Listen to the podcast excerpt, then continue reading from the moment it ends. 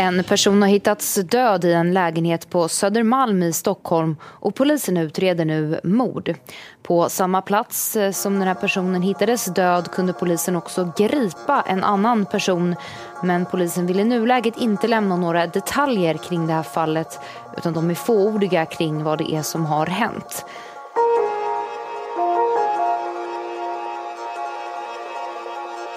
Monica och hennes man hade precis flyttat in i en gemensam drömlägenhet i centrala Stockholm.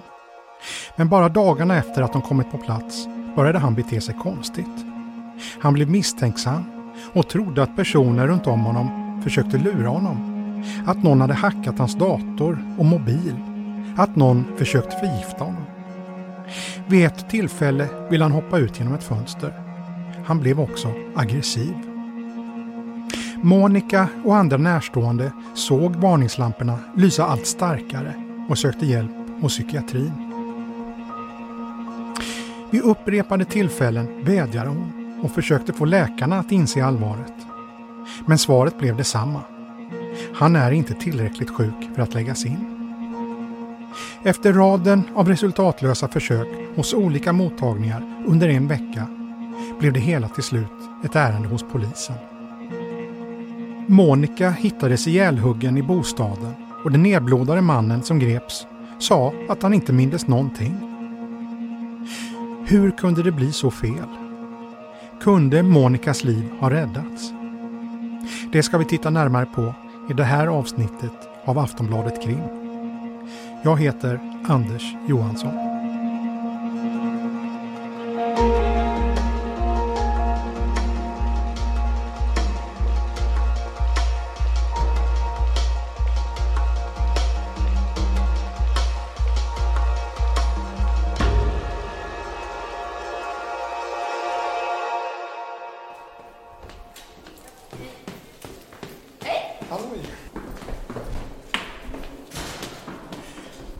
Vi är på väg ner i trapphuset vid Aftonbladets redaktion. Det är en torsdag i slutet av april 2021. Vi ska möta upp en gäst som väntar i receptionen. Hej, nu ska min besökare säga att han är här någonstans. Ja, kan det vara den? Hej, är det du som är Linus? Det stämmer. Ja, det är jag som är Anders. Välkommen. Tack så mycket. I receptionen möter vi Linus. Han är 23 år, klädd i jeans och luvjacka. Han har tagit lång lunch just idag för att komma förbi och prata lite.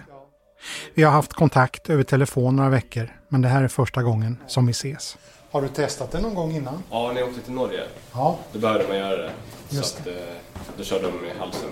Och Ja. så, Åh fy fan, det här är snälla. På grund av pandemin får han precis som oss andra som jobbar här ta ett test innan vi kan gå vidare in i lokalerna. Ett stick i fingret.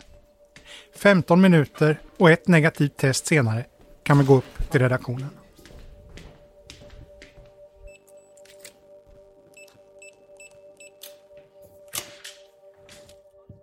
Linus är här på grund av en händelse som inträffade för drygt ett och ett halvt år sedan. En händelse som förändrade livet totalt, både för honom och en mängd personer i hans närmaste krets. Det är en känslig sak och det här första besöket är egentligen bara en förberedande träff.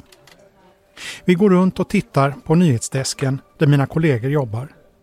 Vi går igenom ett kontorslandskap med många tomma platser på grund av att de flesta andra jobbar hemifrån. Okej, nu verkar det vara någon krock i Helsingborg. Bil som kör mot färdriktningen ska ha krockat. Vi kommer sen till vår studio där vi spelar in den här podden. Massor av mikrofoner runt ett litet bord. Jag har funderat på om det här är en för steril miljö för att prata om det vi ska prata om. Linus tror att han inte kommer ha några besvär med att sitta framför en mikrofon. Hör du mig fortfarande? Jag hör dig jättebra. Toppen. När vi satt oss ner förklarar han också varför det här är viktigt för honom att berätta. Framförallt är det för mammas rättvisa. Självklart. Att för någonting.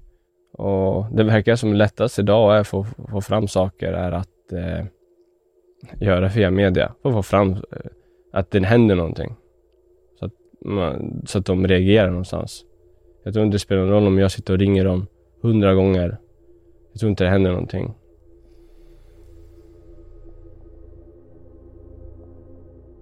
Händelsen som det här avsnittet kretsar kring utspelar sig den 21 augusti 2019. Klockan 12.57 den här onsdagen får polisen in ett larmsamtal som gäller fruktansvärda kvinnoskrik. Inringaren är en kvinna som äter lunch på sin balkong. Gått in men lämnat balkongdörren öppen. Skriken kommer från en lägenhet med fönster mot innergården. Hon går ut och ser då något som ser ut som en kniv som kastas ut från lägenheten som ligger högst upp. Sen blir det tyst. Inne på polisens ledningscentral, som internt kallas Gropen, bedömer den mottagande operatören att det hela rör sig om ett så kallat prio 2-ärende. Något som ska åtgärdas skyndsamt, inom 20 minuter. Men inte omedelbart, som ett prio 1-ärende. Den här bedömningen ska vi återkomma till. I lägenheten som skriken kommer ifrån bor två personer. Det är Linus mamma och hennes sambo sedan tre år.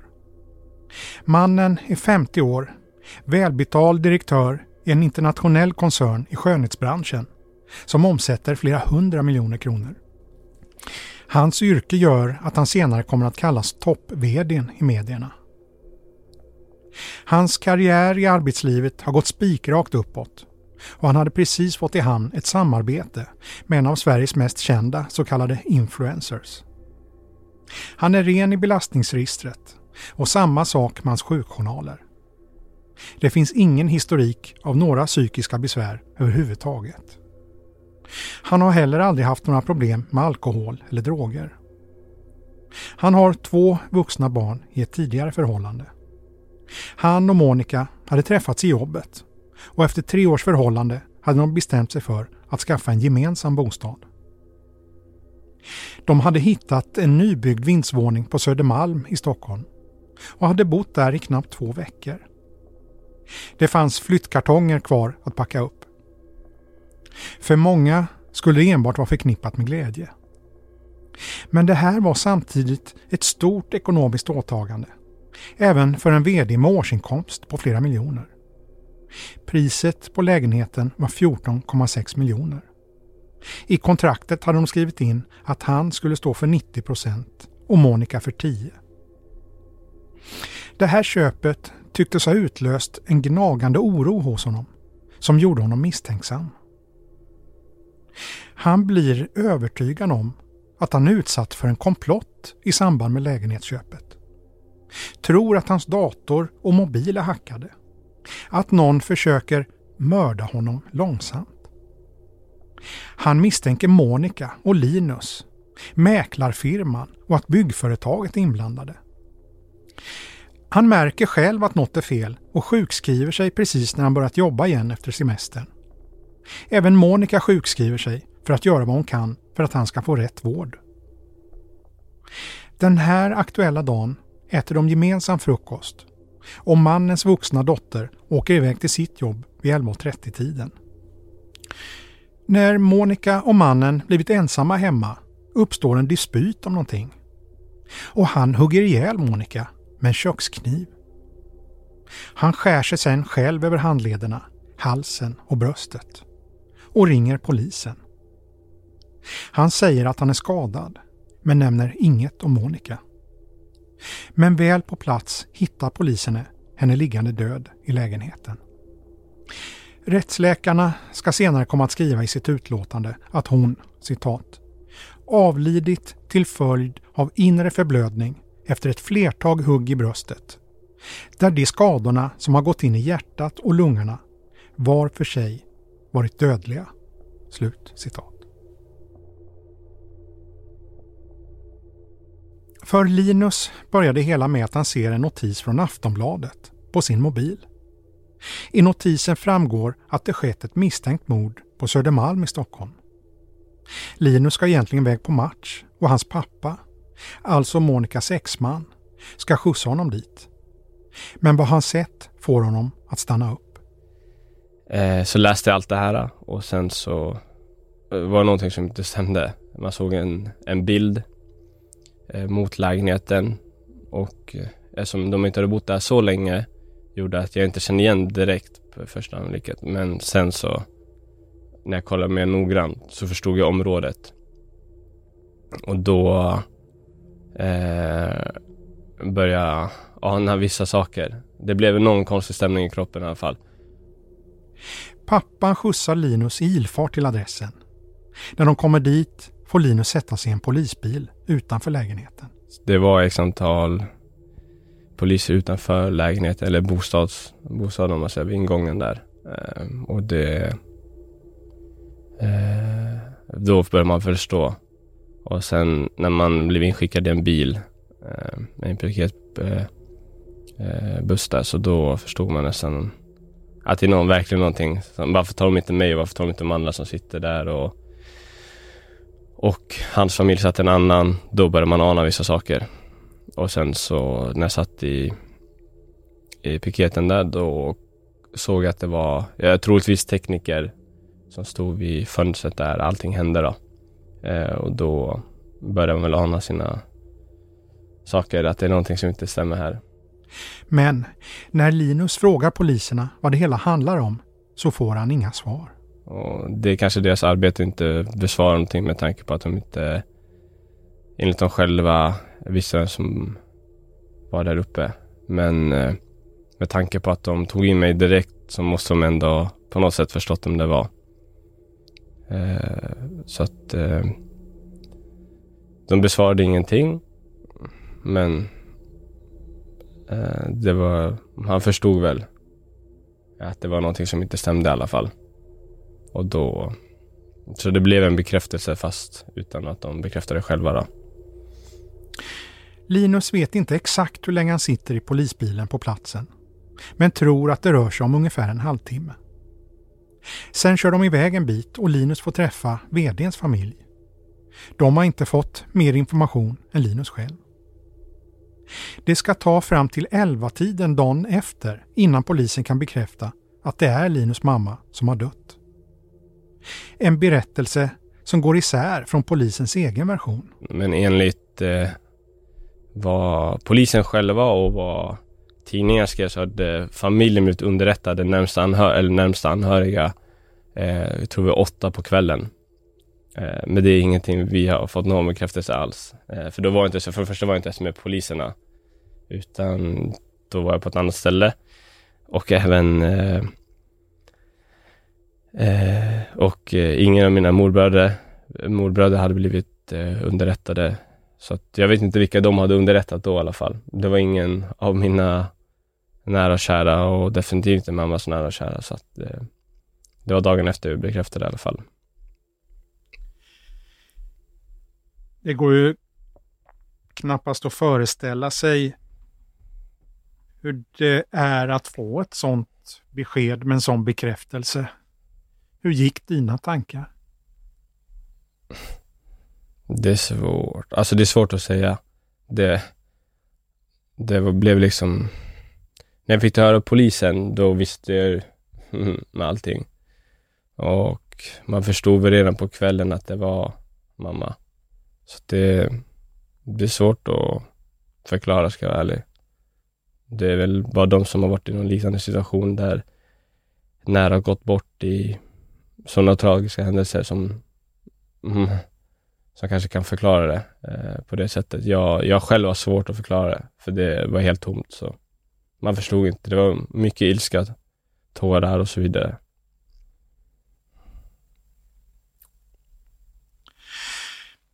Nu har det gått eh, snart två år sedan mordet. Eh, vilka minnen är starkast av din mamma? Det var det mesta egentligen. Det var all kärlek som hon gav och uppfostran och allt som både mamma och pappa har gett mig. Eh, och det är jag stolt över idag. Att man har haft en bra barndom och så vidare. Eh, men om man pratar om mamma och så vidare, då har jag den här kärleken, glädjen och tryggheten och, och så vidare. Det var mm, väldigt, väldigt mycket glädje. Hur nära stod ni varandra? Ja, det var bästa vännen. Helt klart.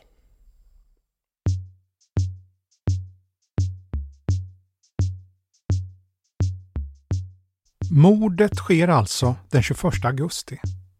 Men det här avsnittet kommer egentligen fokusera på händelseförloppet tiden närmast före själva dådet. För mycket av den efterföljande diskussionen ska komma att handla om vad som egentligen händer under de tio dagar som föregår mordet. Det handlar framför allt om en rad läkarbesök som vdn gör. Nu i efterhand visar journalerna som tagits in i förundersökningen en kuslig utveckling fram till den ödesdigra dagen. När vi går igenom händelseförloppet dag för dag så ser det ut så här. Den 12 augusti, nio dagar före mordet, söker mannen själv vård på en privat klinik på Östermalm. Han säger att han känner ett tryck mitt över bröstkorgen, strax under nyckelbenen. Och han tycker att han har förhöjd puls. Blodtrycket visar sig vara något förhöjt. Läkaren antecknar i journalen. Bröstsmärtor, ospecificerade samt förhöjt blodtryck. Läkaren skriver också. Möjligen stressbetingat alternativt dyspepsi. Bedömningen är alltså att det kan röra sig om en känslig mage. Han blir ordinerad medicin mot halsbränna. Men uppenbarligen är vdn inte nöjd med den diagnosen. Senare samma dag besöker han akuten på en annan privat klinik vid Hötorget och får träffa en öron-näsa-hals-specialist. Han uppger nu att han sedan några dagar haft svag tinnitus och öronlock på båda sidor. Ett hörseltest visar inga anmärkningar. Men i ena örat hittar läkaren en mindre blödning och utfärdar petförbud. Läkaren bedömer att det rör sig om en inflammation i hörselgången och ställer diagnosen. Extern otit, ospecificerad. Men situationen fortsätter att förvärras. Vid halv sju-tiden på fredagskvällen den 16 augusti, fem dagar före mordet, ringer Monica 112 och vädjar om hjälp. Hon är förtvivlad, gråter och beskriver att mannen inte varit sig själv på två dagar. Han är i en helt annan värld, förklarar hon och tillägger. Han tror att folk vill han illa. Hon uppger också att han pratat om att hoppa ut genom ett fönster och att han varit utagerande mot henne tidigare under dagen. Larmoperatören ser allvarligt på situationen och kopplar även in polisen som bedömer det som ett så kallat prio 1-ärende. Ingripande ska ske omedelbart. Patrullen kommer före ambulansen och VDn uppträder då enligt dokumenten inte på något tydligt avvikande sätt att ambulanspersonal eller polis bedömer att det kan vara aktuellt med tvångsvård. Poliserna skjutsar däremot Monica och VDn frivilligt till psykakuten på Sankt Görans sjukhus.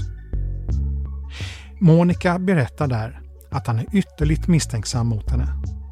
Att han var övertygad om att han blivit lurad i samband med lägenhetsköpet. Att han var utsatt för en komplott där hon och hennes släkt ingick. Och att han hade gått runt och kontrollerat ventilationen och elmätaren. Läkaren de träffar sätter en möjlig diagnos som lyder Akutdebuterad psykos. Men VDn anses inte uppfylla kriterierna för tvångsvård genom vårdintyg. Läkaren skriver i journalen. Jag försöker förmå honom att kvarstanna frivilligt på sjukhus, men han avböjer envetet. Våldsrisken bedöms samtidigt som låg. De skickas hem med sju sömntabletter. Lördag den 17 augusti, fyra dagar före mordet, åker Monica och barnen till närakuten på Karolinska sjukhuset i Solna. Läkaren skriver i journalen. Enligt medföljande familj har patienten betett sig på ett förvirrat sätt. Är orolig. VDn vill nu inte till psykakuten igen, där han varit på besök dagen innan. Istället bestäms gemensamt att de ska ta sig vidare till Södersjukhuset SÖS medicinjour och ta prover. Och detta för att utesluta kroppsliga besvär. Söndag morgon den 18 augusti, tre dagar före mordet, åker de in till SÖS-akuten. Monica beskriver att hennes man i sex dagar nu varit förvirrad och misstänksam. Han tror att hon försöker lura honom i samband med lägenhetsköpet. Men han är även misstänksam mot mäklaren som han varit hotfull mot tidigare och börjat ta bilder på med sin mobil. Läkaren skriver bland annat Patienten har hit till akuten tagit med sig sina kontrakt och papper som gäller det nya lägenhetsköpet eftersom han är rädd att någon ska ta papperna ifrån honom. Han kan inte specificera vem som skulle vilja göra det. VDn tror nu också att han på något sätt fått i sig en medicin. Att någon försökt förgifta honom. Läkaren på SÖS skriver en remiss till psykakuten igen, Sankt Görans sjukhus. När de anländer till Sankt Göran noterar läkaren de får träffa IKEA-påsen med alla lägenhetsdokument som vdn med sig. Av oro att någon skulle vilja komma åt dem. Läkaren skriver i journalen. Patienten beter sig på ett närmast psykosnära sätt. Men han anses inte heller nu uppfylla kriterierna för vårdintyg och tvångsvård. Vidare i journalen. Erbjuds inläggning men avböjer detta. Tyvärr har vi endast möjlighet till vård på akutmottagningen under natten. VDn får ytterligare sömntabletter av en annan sort samt lugnande medicin som han ordineras att testa vid ångestattacker dagtid. Måndagen den 19 augusti, två dagar före mordet, expedierar psykiatrienheten Rosenlund den remiss de har fått. VDn kallas att komma för läkarbedömning nio dagar senare, den 28 augusti. Men tisdagen den 20 augusti, dagen före mordet, ringer VDns tidigare fru psykiatrienheten Rosenlund och meddelar att situationen nu är ohållbar. Att det inte går att vänta ända till den tid som han har fått. Hon tycker att han måste få en ny bedömning på en gång, idag. Och han får också en tid för akutbesök senare samma dag. Vid det läkarbesöket på eftermiddagen berättar vdn återigen om känslan av att ha blivit lurad vid lägenhetsköpet. Och att han är misstänksam mot Monica och Linus. Läkaren skriver i en sammanfattande bedömning. Reaktiv förvirringspsykos. VDn får medicin mot schizofreni och får ta två tabletter direkt. Samt ytterligare några att ta till kvällen och morgonen därpå. Läkaren skriver vidare i journalen. Diskuterar eventuell inläggning, men vi avstår för närvarande. Men det är ett alternativ om det inte fungerar i hemmet. Inte vårdintygsmässig. Risken för självmord bedöms fortfarande låg, noteras det. Och det här var alltså dagen före mordet. Nästa gång vården har kontakt med mannen är det för sent. Det sker på eftermiddagen den 21 augusti. Polisen möter VDn när han kommer ner i hissen och de hittar Monica död i lägenheten. VDn själv är skadad efter att han har skurit sig själv i handlederna. Han förs till Karolinska där han får skadorna sydda. Sen möter han en psykiater som utfärdar ett vårdintyg, alltså beslut om tvångsvård. I de första polisförhören dagen därpå har VDn bara fragmentariska minnesbilder av händelsen. Det är kaos här i huvudet, säger han. Det var någon i spegeln. Någon, någon med kniv. Och så frågar han förhörsledaren. Kan det ha varit jag?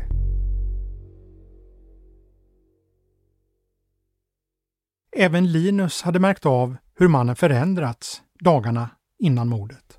Mm, det var väl beteendet från honom som eh, märktes ganska tidigt. Eh, eh, den här personförändringen skulle jag säga.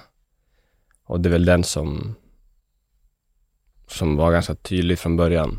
Som man förstod att det är någonting som inte stämmer. överens. Eh, som man, ja, det är väl det liksom. Hur förändrades han? Han blev väldigt mer så här, upptagen på vissa saker och fokuserade på fel saker, till exempel mobiler och man såg i blicken var ganska tom och så just, eh, ska jag säga, var blicken eh, helt klart. Vad gjorde han med mobilen då? Det var väl egentligen framförallt med Eh, mammas telefon som han började kolla och även sin egna, att det saknades massa grejer som han har sett tidigare enligt honom själv och det var ekonomi, det var mail och sms, det var samtal och sånt där. Vilket gjorde att det, eh, vad ska man säga, det, det var väldigt speciellt från en person som inte, som jag inte sett varit på det sättet. Han har alltid varit kontrollerande, som man förstått i efterhand, men inte på det sättet som han var då. Och framförallt det här med den tomma blicken, då förstod man att eh, det är någonting som stämmer riktigt nu. Det var någonting som inte stämde? Nu. Ja, precis. Och hur tänkte din mamma kring de här personlighetsförändringarna? Eh, hon blev väl chockad framför allt. Hon har väl sett det här som ingen annan liksom. Eh, vilket gjorde att eh, det var först en chock skulle jag tippa på och sen en förtvivlan. Och framförallt det här med när sjukvården skulle komma in och hjälpa. Så att eh, det är lite där liksom. Hon sökte ju hjälp. Det stämmer. X antal gånger. Eh, och även eh, hans familj jag och mamma och så vidare. Så att... Vad vet du om eh, kontakterna med psykvården? Ja, det var väl inte bra med tanke på att de inte tog hand om honom där och då liksom. Eh, men kontakten var väl ganska intensiv under de veckorna som var där, eller en vecka, skulle jag säga, en vecka. Eh, Eh, det var ambulans, det var med polisen och det var ja, flera besök, det var x antal samtal och så vidare. Så att det var väldigt intensivt under hela processen då. Och vad var målet med besöken? Det var för att få honom inlagd. Med tanke på att vi såg det, hans familj såg det och så vidare. Vilket gjorde att, eftersom de har känt honom hela hans liv och jag har känt honom en viss period, mamma har känt honom en viss period. Det, och plus att man ser att det är en förändring. Det blir som eh, väldigt stor förändring på en kort tid. Hur kändes det när du fick höra att eh, han inte blev inlagd? Eh, jag blev först väldigt chockad, eh, skulle jag säga. Eh, jag förstod inte, eh, jag förstod inte egentligen eh, varför. Sen jobbar inte jag med det här, men efterhand har man förstått det och även eh, allt det här runt omkring. Eh, när sjukvården har uttalat sig och inom, eh, även polisen har uttalat sig på sidan om. Så då har man förstått att det ska väl ha gjorts från början. Men reaktionen var väl att någonting som var väldigt oförståeligt med tanke på beteendet han hade och bara skicka in honom med sömntabletter och de tabletterna som han fick. Och mamma var ingen sjukvårdare så hon visste inte riktigt och, och så vidare. Han ska vara en så kallad vuxen man, vilket gör att man tänker att han ska ta tabletterna, men som efter det tillståndet han var där då, då gjorde han inte det. Så vilket gjorde att, eh, ja, det, vi, vi fick i alla fall inte den hjälpen vi behövde. Vilket gjorde att, ja, det som hände, det hände.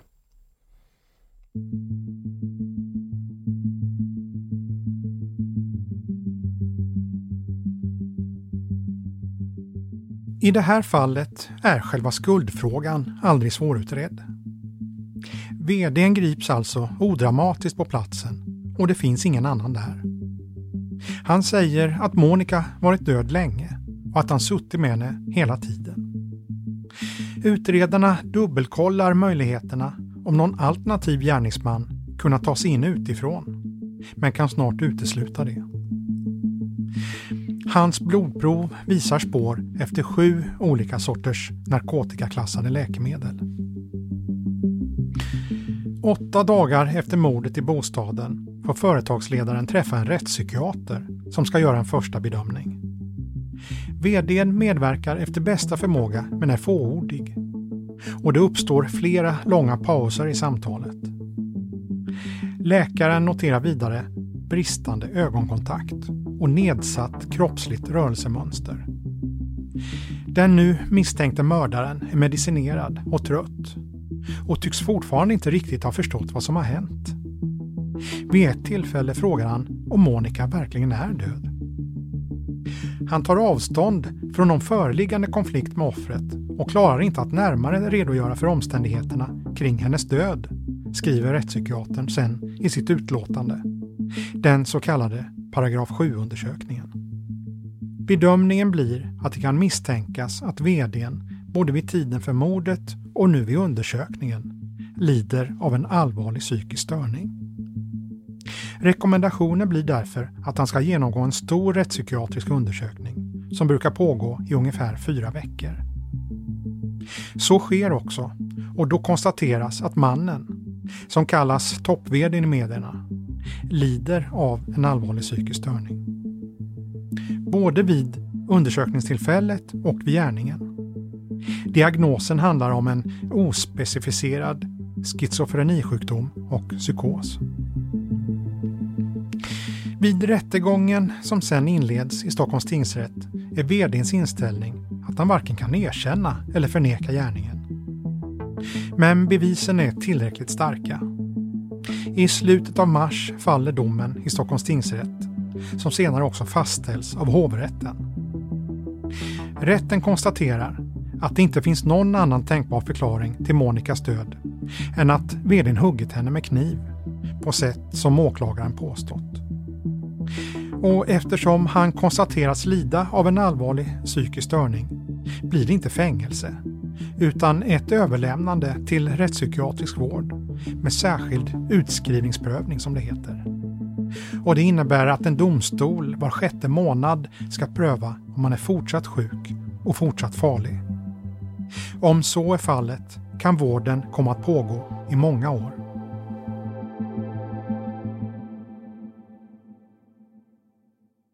Domen skulle ha kunnat vara slutpunkten för den här berättelsen. Men själva mordutredningen är bara en av tre processer som sätts igång efter händelserna den 21 augusti.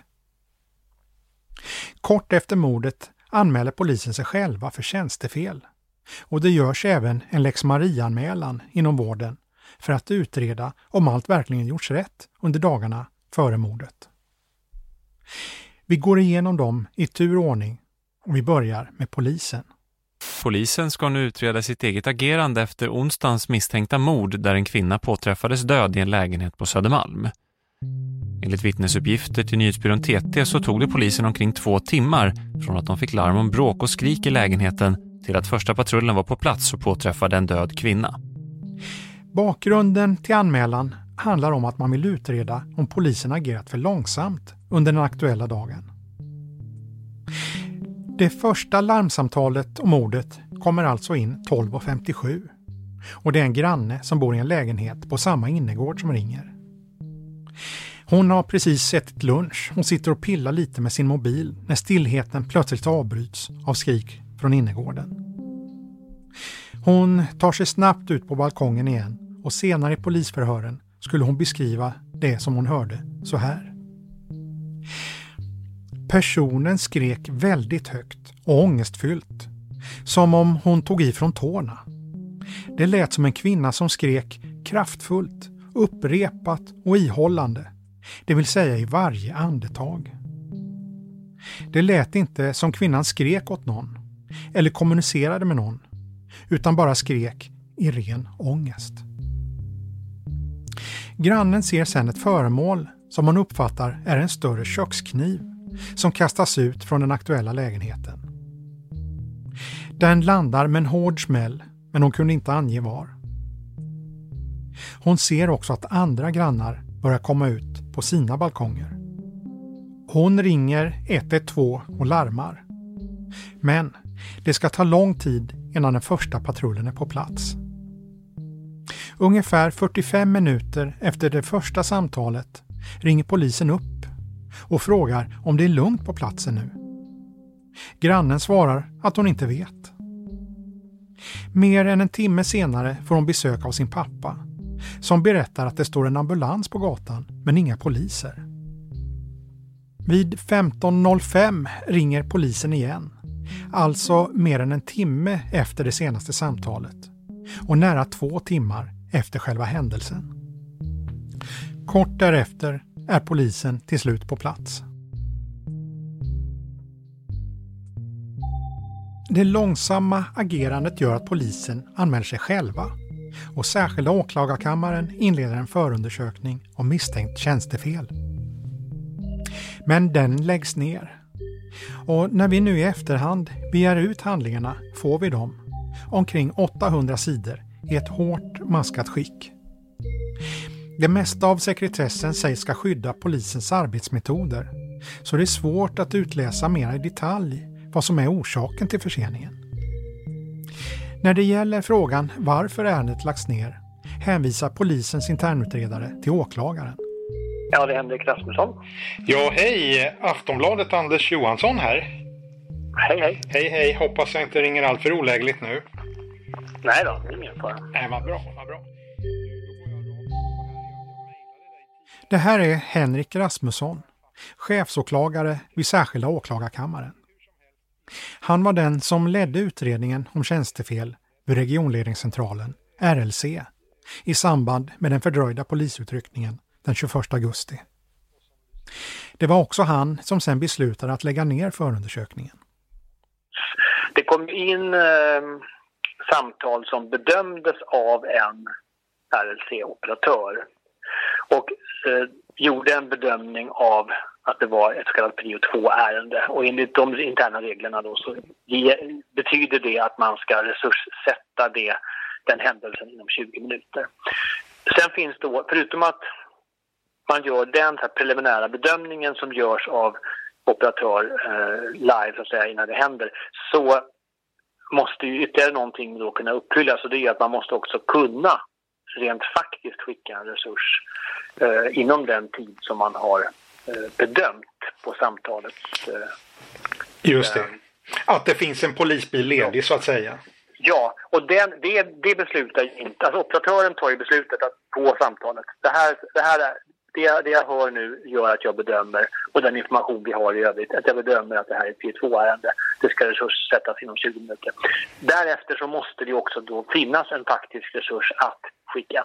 Och där har det enligt den, den information som vi kunde få in då, så har det eh, läget, resursläget med tillgängliga i praktiken tillgängliga resurser har varit sådant att det, det, har inte funnits någon ledig resurs att skicka.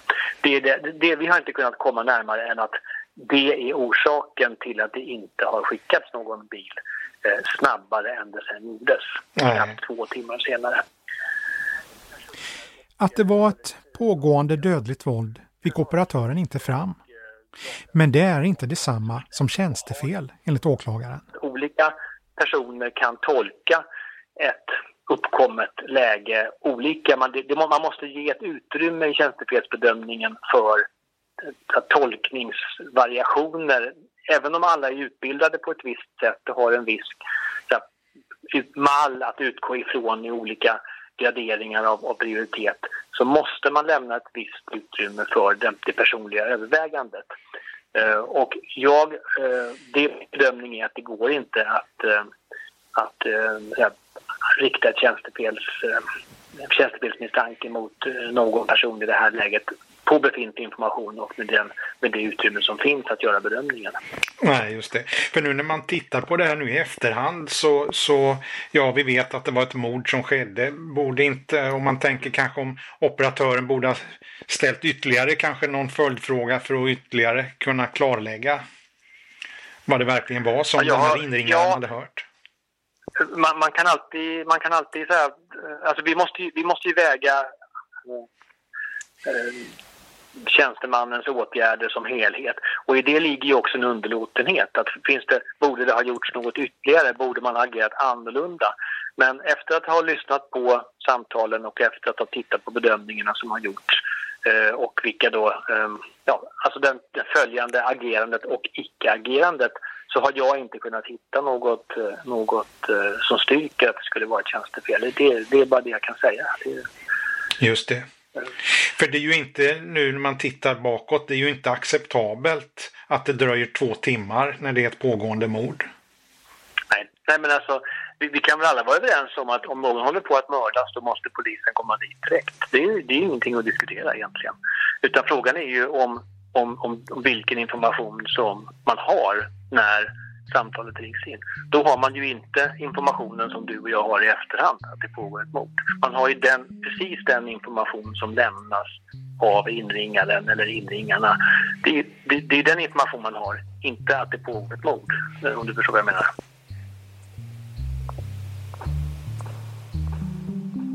Så, när det gäller polisens internutredning kommer vi inte längre än så.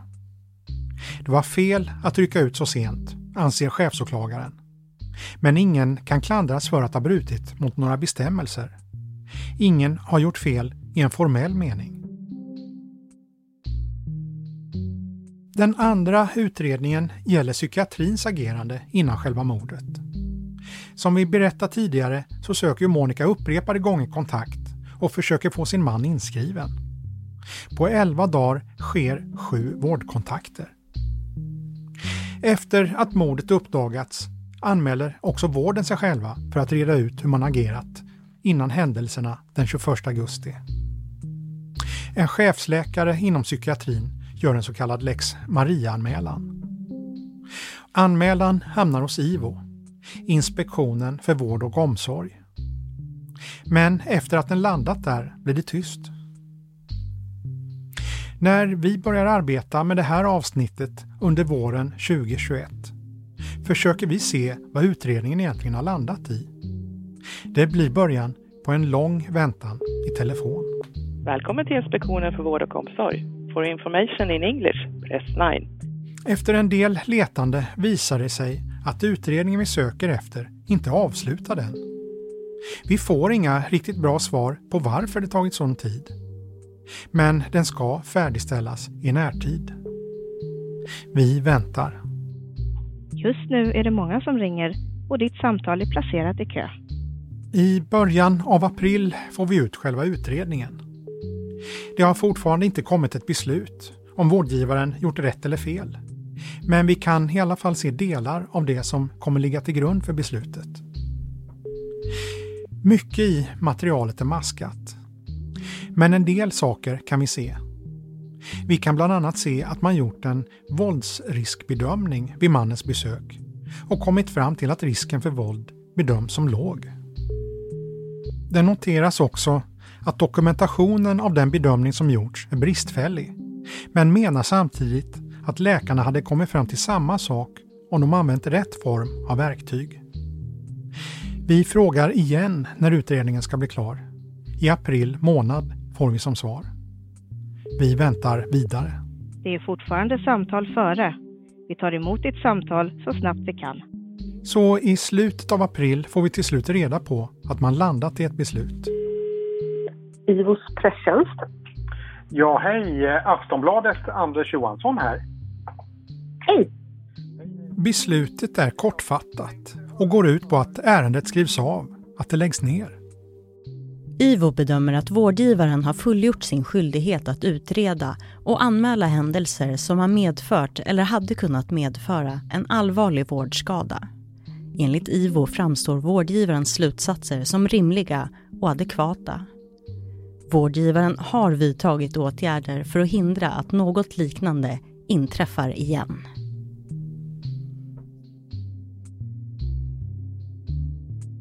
Sen står inget mer. Ingenting om vilka slutsatser som vårdgivaren har dragit. Ingen tycks ha gjort något fel som är klandervärt. Men åtgärder har alltså vidtagits för att något liknande inte ska hända igen. Så någonting bör IVO rimligen ha sett i sin utredning. Men vad? Och vad är det för åtgärder som har vidtagits? Ingen av de här frågorna besvaras i IVOs kortfattade beslut. Vi ringer presstjänsten för att se om de kan säga något mer. Det är fortfarande samtal före. Vi tar emot ditt samtal så snabbt vi kan. Nej, IVO hänvisar vidare. Deras uppdrag är att se om vårdgivaren utrett ärendet på ett korrekt sätt och om man vidtagit eventuella åtgärder. Och där stannar deras värdering. Men vi har fortfarande inte fått svar på våra frågor, så vi ringer vidare. Till Stockholms läns sjukvårdsområde. För att beställa provtagning av covid-19 Frågan hamnar nu istället hos de avdelningar som skött vården av gärningsmannen dagarna före mordet. Vi söker bland annat chefsöverläkaren som är ansvarig för de läkare som skött vården. Välkommen! Svarar inte. För att spela in ett meddelande, tryck 2. Koppla samtalet till telefonist, tryck 9. Men inget svar där.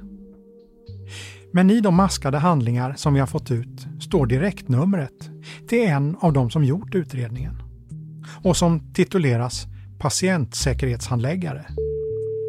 Vi får tag i henne och frågar vem som kan svara på frågor om ärendet. Hon ska återkomma men hörs inte av. Just nu är det några samtal före. Var god dröj kvar. När vi ringer tillbaka dagen därpå blir svaret att de inte kan svara på några frågor. Och undrar vi över det är vi välkomna att kontakta hennes chef.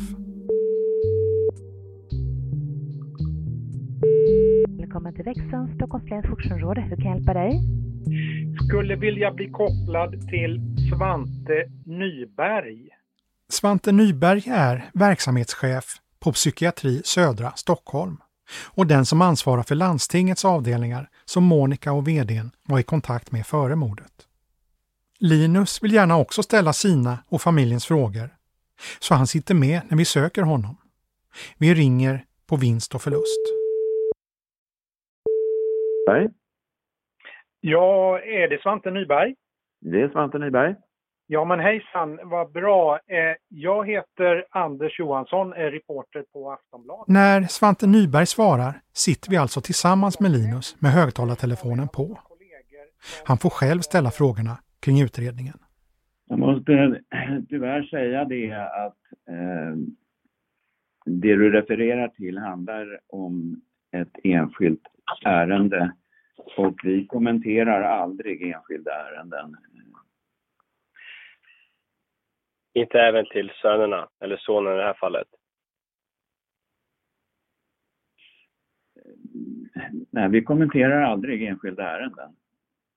Jag förstår inte riktigt vad du menar med tanke på att jag är sonen till personen som gick bort här, min mamma. Och det är det jag svar på, och framförallt min familj. Ja, det det handlar om är att eh, vi har sekretess för det som vi gör och det betyder ju att vi svarar inte till någon. Okej, okay. det låter lite märkligt skulle säga. Med tanke på att oavsett om det är sekretess eller inte, jag är fortfarande närmsta, närmsta anhörig och jag vill veta vad ni skriver om min mamma i det här fallet. Och varför. Hur det här beslutet tagits, för jag har inte hört någonting från er. Att gömma sig bakom sekretess tycker inte jag är riktigt rimligt. Om inte ni vill lämna ut det till reportrar, till folk som frågar om det eller och så vidare, fine. Men jag är sonen till den personen det handlar om. Jag beklagar men jag måste verkligen hänvisa till, till äh, att det gäller sekretess och vi kommenterar aldrig enskilda ärenden. Okej, okay. så det, ni gömmer er bakom sekretess igen då? Ja, det är de regler som vi måste följa och vi, vi kommenterar aldrig det. Ja. ja, det är tråkigt att höra med tanke på ärendet, vad som har hänt och så då gömmer ni bakom sekretess än en gång då? Och jag får inte svar på de frågorna jag och min familj vill ha. För att ni gömmer er bakom sekretess. Är det du menar? Ja, det, det, jag kan upprepa mig några gånger till, men jag beklagar verkligen att jag kan inte säga mer än, än eh, så här. Ja, men då är det så. Då, då får jag... Ja.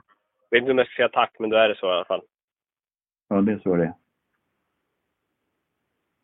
Okej, okay, då får vi tacka för att du tog dig den här tiden i alla fall. Tack så mycket. Ja, tack. Hej då. Hej. Vi kommer inte längre. Vi har gjort vad vi har kunnat, ställt frågor till de ansvariga och fått till svar att de inte kan svara. Exempelvis vad det är som specifikt har åtgärdats för att citat hindra att något liknande inträffar igen. Det syns tydligt på Linus att han är besviken när vi fått beskedet från den verksamhetsansvarige för psykiatrin. Vad tänker han? Vad är det de döljer? Vad är det de döljer egentligen? Det... Om inte ens den här Svante Nyberg kan förklara det, vem då ska kunna förklara det som där de hänvisar till? Enligt mig och mitt tycke, då blir det som sagt igen, då blir det... Jag och min familj har haft två frågor. Och vad var det som hände den 1 augusti? Som inte vi vet, utan en person vet. Och just den här anmälan, vad de döljer. Och ingen av dem får vi svara på. Om inte ens de som jobbar med det kan besvara på det. Vi får ingen, i det här fallet, vi, vi får ingen riktig rättvisa i slutändan. Och det är det som är tragiskt. Och då handlar det återigen, det handlar om min mamma och en syster och eh, moster och faster och så vidare. Det, det är tragiskt på alla sätt. Nu kanske det kan ses som en ledande fråga, men, men hur ser ditt förtroende för psykiatrin ut? Efter det här, då hamnar vi på noll igen. Som det var från början, men jag tänkte att det här kan ändå, då kan jag i alla fall besvara frågan. Någonting måste kunna ge mig efter allting. Mm, framförallt om min mamma fick gå igenom. Sen vad vi har förlidit igenom efteråt. Jag fattar, det är inte de som är ansvariga för vad som just hände där och då. Det var inte de som tog kniven, men de är skyldiga på alla fall att kunna besvara frågorna. Tycker jag, i mitt tycke i alla fall. Förhoppningsvis är det fler som tycker det, men det var jag och familjen. Kan du understryka på att vi tycker att de kunde ge oss ett svar?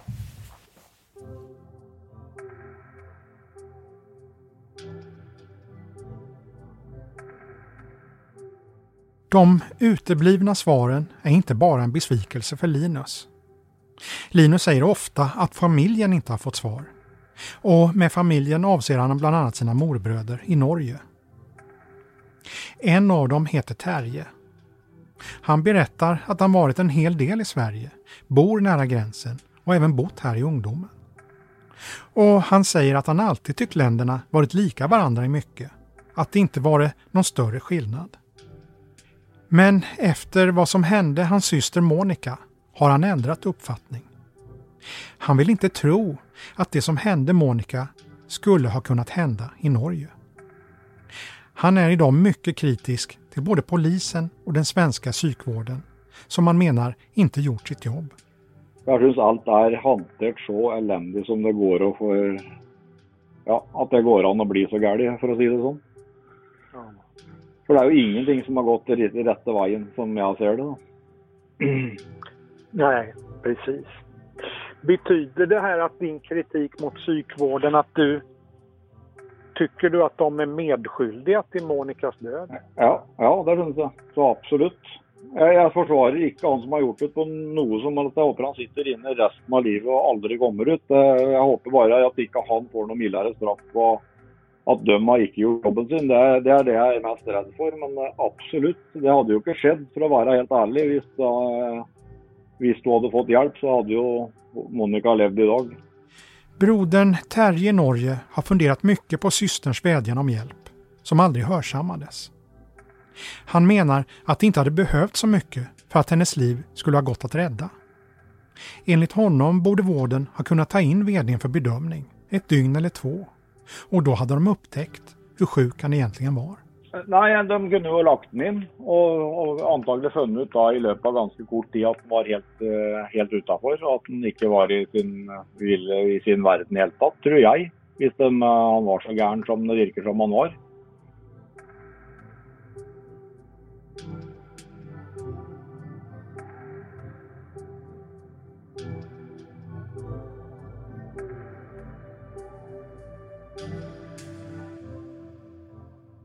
Det är alltså snart två år sedan mordet skedde. Många frågor om hur det kunde hända tycks förbli obesvarade. När Linus tänker tillbaka och får frågan hur hans liv blivit påverkat blir det jobbigt. Men han vill berätta. Man har väl blivit vuxen över en natt. Blev det så. Eh, på gott och ont. Men det är klart att det är någonting som kommer du ha med dig hela livet. Uh, på många sätt. Uh, det var tufft. det har varit många minnen och, och så vidare. Men man har förstått att hon var väldigt uppskattad genom vänner och kollegor och, och så vidare. Och det har väl på det sättet har det varit en glädje att få sett i efterhand. Men så att det har väl påverkat en mycket negativt självklart. Eh, på det sättet man har problem att sova och så vidare. Eh, mycket minnen och så vidare men nej, det har inte varit superskoj direkt.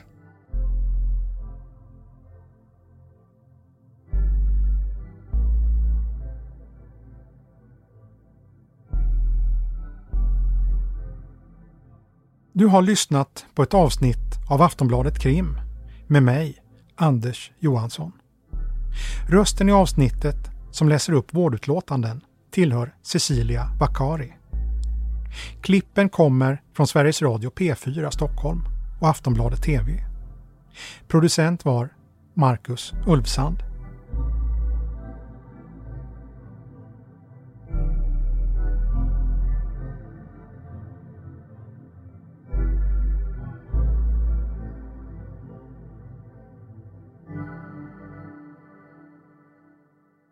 Du har lyssnat på en podcast från Aftonbladet. Ansvarig utgivare är Lena K Samuelsson.